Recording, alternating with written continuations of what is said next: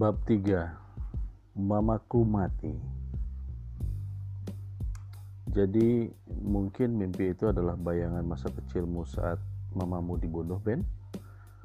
Dr. Tren menyimpulkan lanjutan cerita masa lalu Ben di sesi kedua pertemuan mereka. Entahlah tetapi kenapa baru sekarang? Setauku orang Sinting yang menyebut dirinya Devil itu sudah mati. Dan aku sudah melupakannya. Jadi tak mungkin lagi ia mengikutiku. Apalagi sebenarnya ia cuma seorang penyendiri yang terlalu terobsesi dengan makhluk-makhluk aneh dan simbol-simbol pemujaan setan. Ia menganggap dirinya sendiri sebagai setan karena kepalanya yang memang aneh sejak lahir. Apa yang kau rasakan atau alami setelah pembunuhan itu? Aku diliputi kekosongan, entah apa yang aku rasakan saat itu. Setelah peristiwa itu, aku hanya bisa diam di samping jasad mamaku sepanjang malam hingga subuh menjelang sampai seorang polisi dan beberapa warga sekitar datang mendapati diriku terduduk di samping jasad mama kau terguncang saat itu? Seperti yang kukatakan, anehnya aku seperti tak merasakan guncangan. Mungkin aku shock, tetapi di bagian lain dalam diriku aku merasakan kehampaan.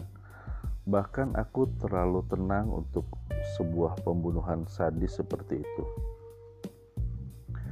Aku tak tahu, aku bingung dengan perasaanku sendiri Seingatku, aku tidak menangis. Aku berjanji pada Mama untuk tidak menangis, dan aku memang tidak menangis.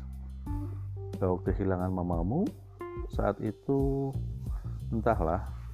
Aku tak bisa mendefinisikan bagaimana perasaanku. Aku hanya duduk terdiam di sebelah jasad Mama. Itu saja. Oke, lalu bagaimana dengan Devil?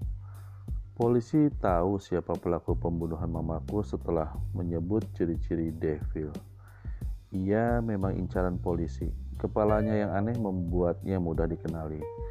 Beberapa minggu kemudian ia ditangkap di Minnesota dalam sebuah apartemen murahan.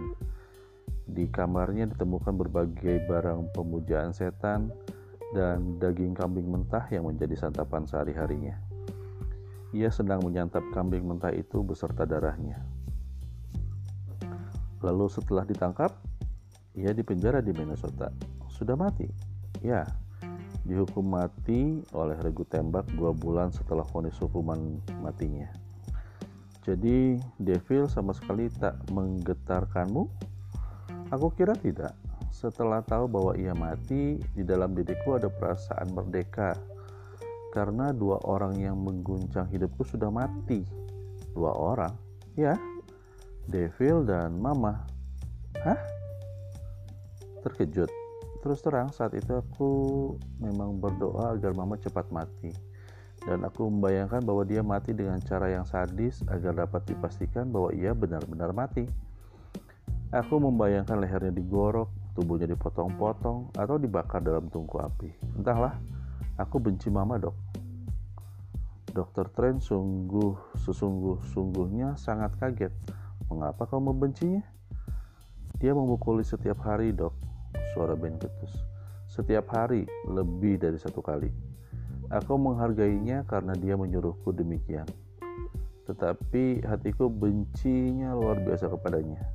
Dan aku mensyukuri kematiannya. Tadinya aku berharap ia mati melalui tanganku jika aku sudah dewasa. Tetapi syukurlah dia mati di tangan orang lain, sehingga kesalahan tidak ditimpakan kepadaku. Mungkin Anda anggap aku gila, dok, tapi itulah yang aku rasakan selama ini. Dokter Tren menghela nafas panjang. Sebagai teman, ia cukup terkejut dengan kebencian laten di dalam hati Ben terhadap mamanya. Sesadis itukah pikiran Ben terhadap mamanya sendiri? Sesederhana itukah penyebab kebenciannya terhadap mamanya? Tetapi Ben nampaknya tidak terlalu mau ditanya soal mamanya, sehingga Dr. Tren lebih mengarahkan pertanyaan mengenai Devil. Ben, kau yakin Devil itu penyendiri? Ya, dia cuma orang sinting, penyendiri, dan ada semacam daging tumbuh di belakang kepalanya. Ia sudah almarhum. Aku kira ia tidak berbahaya lagi. Ben, kau seorang reporter dan kau pernah mengungkap pembunuhan dari seorang psikopat yang mengaku dirinya utusan sang penguasa. Apakah kau sudah final dalam keputusanmu bahwa Devil tidak punya organisasi atau semacamnya? Well, aku sudah menyelidikinya. Nampaknya dia tidak terlibat dalam organisasi atau yang sejenisnya. Dia hanya bertindak sporadis tanpa perencanaan matang dan dia hanya sendirian. Kau nampaknya begitu yakin. Aku seorang profesional, aku yakin. Benarkah? Dokter Trent, aku katakan bahwa aku yakin, Ben menghentak. Kau kurang meyakinkan dalam menyebutkan keyakinanmu, Ben. Mulutmu menyatakan keyakinan, tetapi matamu menunjukkan sedikit kegalauan. Ada apa? Ben menghela nafas. Anda jeli juga. Anda bicara Ben melemah. Mungkin aku terlalu cepat puas karena bagiku sebenarnya Devil menolong aku untuk menyingkirkan mama selamanya dari hidupku. Dokter Trent menyimpan keterkejutannya. Ya, mungkin tanpa ku sadari, aku berterima kasih kepadanya dan tidak dengan gigih mencari tahu mengenai siapa dirinya. Kadang aku berpikir sendiri, apakah aku sudah gila sehingga demikian bebasnya aku lepas dari kungkungan mama. Jadi, kau justru berterima kasih kepada Devil? Ya, mungkin memang begitu. Ben berhenti bicara. Tapi ya tidak juga. Tapi entahlah dok, aku tidak berterima kasih kepadanya. Tapi nyatanya aku mengalami kelegaan justru setelah mama tewas. Kematian mama membuat dunia bersimpati padaku dan aku diasuh oleh seorang yang sangat menyayangiku di kemudian hari. Aku senang tapi tidak gembira. Aku sedih tapi tidak merana. Bagaimana aku mendefinisikannya? Dokter Tren dahinya berkerut sambil telunjuk tangan kanannya didekatkan ke mulut dan memandang Ben dengan tatapan menyidik. Dokter Tren, Ben melambai-lambaikan tangannya ke wajah psikiater yang sedang melamun. Ups, sorry Ben. Lalu ia membenahi posisi duduknya. Masalahmu sangat kompleks. Mengapa kebencianmu begitu dalam terhadap mamamu? Ada sesuatu yang aku tak bisa katakan itu sekarang, dok. It's okay, Ben. Katakanlah. Ya, ada sesuatu yang benar-benar membuatku membencinya, dok sangat menyakitkan dan mendidihkan api kebencianku padanya. Suara Ben bergetar dengan nada yang memendam dendam. Ben diam lagi, Dokter Tren membiarkannya. Tetapi tiga menit dalam diam di sesi konseling adalah waktu yang lumayan menyiksa bagi Dokter Tren. Kau tidak bisa mengatakannya sekarang? Aku pikir begitu. Sorry, saut Ben. Oke, tidak apa-apa, balas Dokter Tren sambil mengusap bahu Ben. Well, bagaimana dengan hmm, sekarang kita melihat pada Devil. Jadi kau benar-benar yakin bahwa Devil cuma seorang Lone Ranger yang membunuh seseorang untuk kesenangan pribadi? Uh, begitulah yang kusimpulkan selama ini. Tetapi ya aku pun sebenarnya tidak tahu semenjak aku puas bahwa dia sudah mati. Itu saja. Coba kau ingat-ingat lagi dari apa yang pernah kau ketahui. Mungkinkah ada ornamen-ornamen atau benda-benda tertentu yang menyiratkan dia adalah seorang yang terlibat di dalam suatu kelompok tertentu? Ya, biasalah seperti kasus yang kita pecahkan dahulu. Ada tanda pentagram di kamarnya. Lalu ada altar dan lilin-lilin, lalu sebuah poster hitam yang bergambar bulatan dengan gambar kepala kambing serta bintang di dalamnya. Ben, di mana sensitivitasmu sebagai reporter? Kau lalui begitu saja simbol-simbol itu. Bukankah itu juga yang ditemukan di kamar Deslitz, psikopat itu? Tapi kan dia bukan pengikut setan. Dia mengaku membunuh karena sebuah kekuatan yang besar. Itu saja. Ya, itu kan kata dia.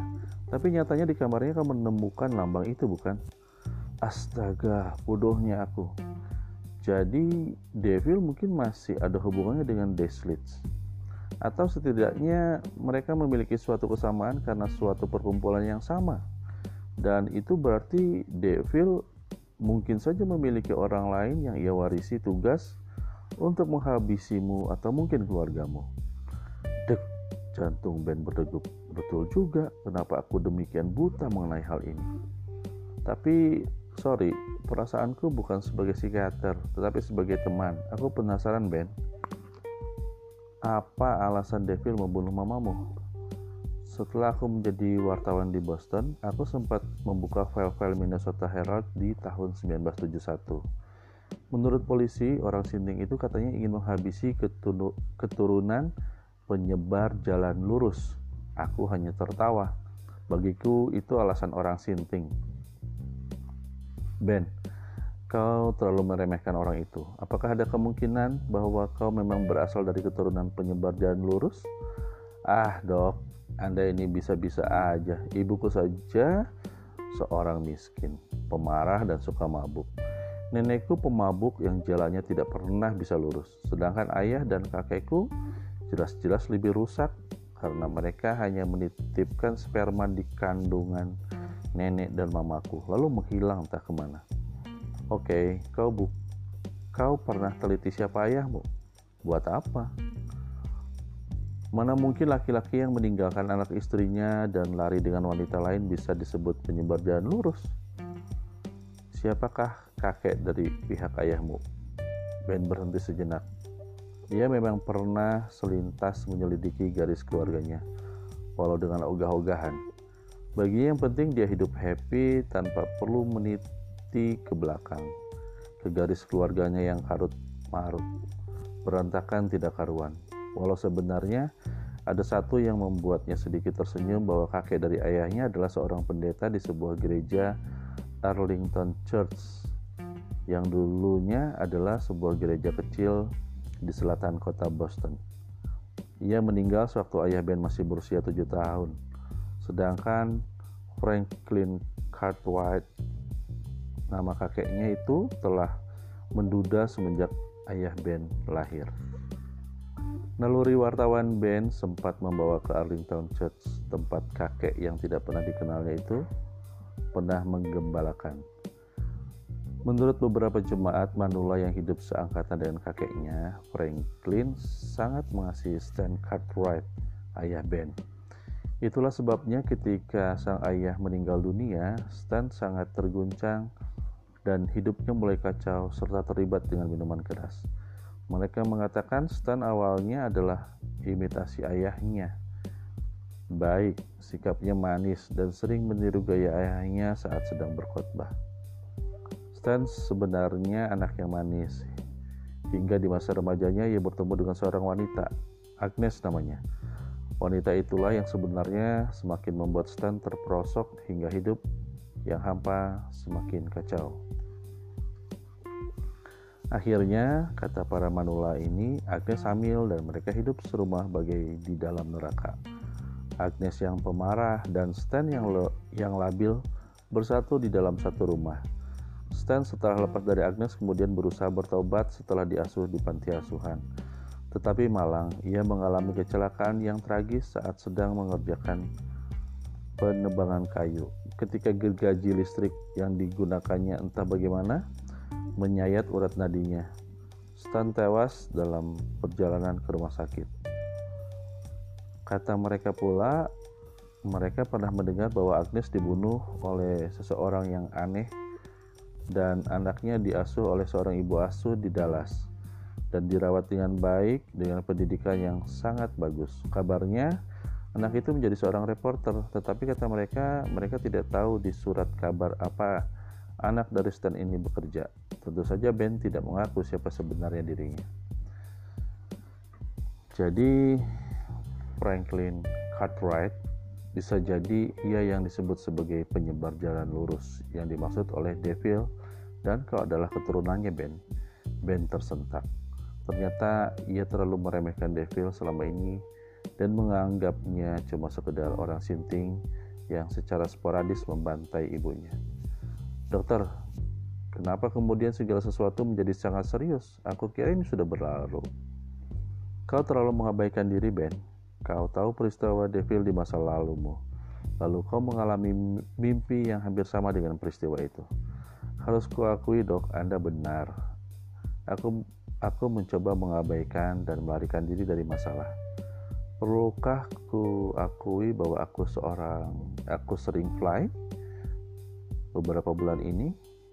Ya, tidak sampai kecanduan, hanya coba-coba Ketika aku dikejar mimpi-mimpi buruk itu, aku mencoba melupakan fakta masa kecilku. Tetapi aku benar-benar tidak mau menghubungkan mimpiku ini dengan Devil karena ia sudah mati. Sampai kau sadari bahwa Devil bukan orang sembarangan dan masih ada hubungannya dengan mimpimu itu, aku rasa mimpimu itu, itu adalah sebuah pertanda Ben. Mungkin peringatan. Peringatan dari siapa? Tuhan.